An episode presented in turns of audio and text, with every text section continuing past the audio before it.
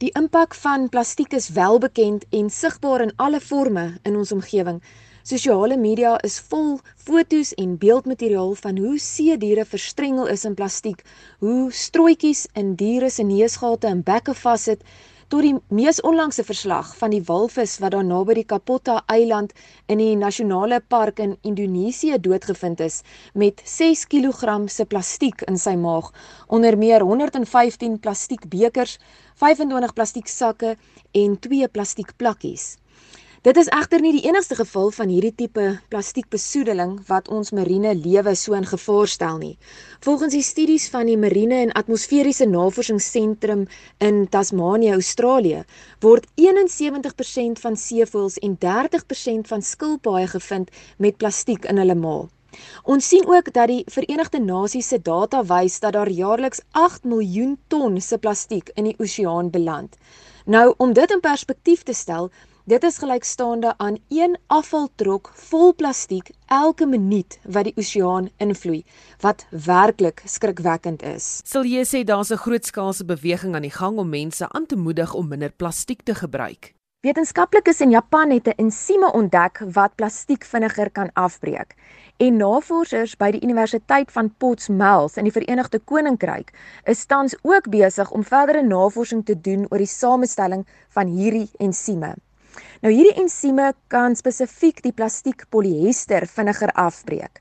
En polyester word in die plastiekverpakkingskodes geklassifiseer as 'n groep 1 en dit is hierdie plastiek wat gebruik word om byvoorbeeld koeldrankbottels te maak.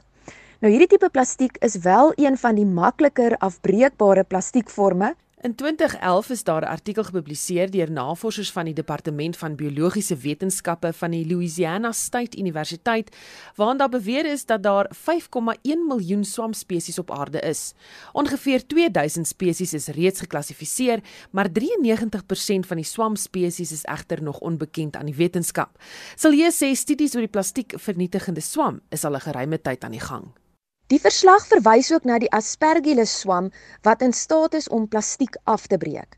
Nou dit is gebaseer op resultate van 'n studie wat eintlik 'n geruime tyd al aan die gang is in Pakistan, waar navorsers monitor hoe hierdie swam wat in die grond geïsoleer is, die chemiese verbindings afbreek. Swamme verteer basies voedsel deur ensieme af te skei en die opgeloste organiese materiaal weer in selle te absorbeer. En dis presies hoe hierdie swam die plastiek dan ook afgebreek kry. So binne 2 maande het hierdie swam die plastiek waarna ons verwys as die PU plastiek in kleiner stukke afgebreek. Nou hierdie PU plastiek word gereeld gebruik in produkte soos yskas isolasie, matrasse en sintetiese leer en volgens die plastiekverpakkingsklassifikasie sal dit onder die groep 7 plastiektipes val wat ook een van die makliker afbreekbare plastiekforme is. Sy sê egter die wêreld gebruik steeds te veel plastiek vir die swam om enige impak te hê. My kollega Prof Henk Bouman ook hier van die NWU het ook bevestig dat die biologiese afbraak van polimere soos plastiek oor lang periodes gebeur. Swamme het natuurlik spesifieke kondisies nodig soos korrekte pH, uh, temperatuur, humiditeit, beligting ensovoorts. So selfs wanneer al hierdie spesifieke kondisies teenwoordig is, kan dit steeds maande neem om hierdie polimeerverbindings volledig af te breek.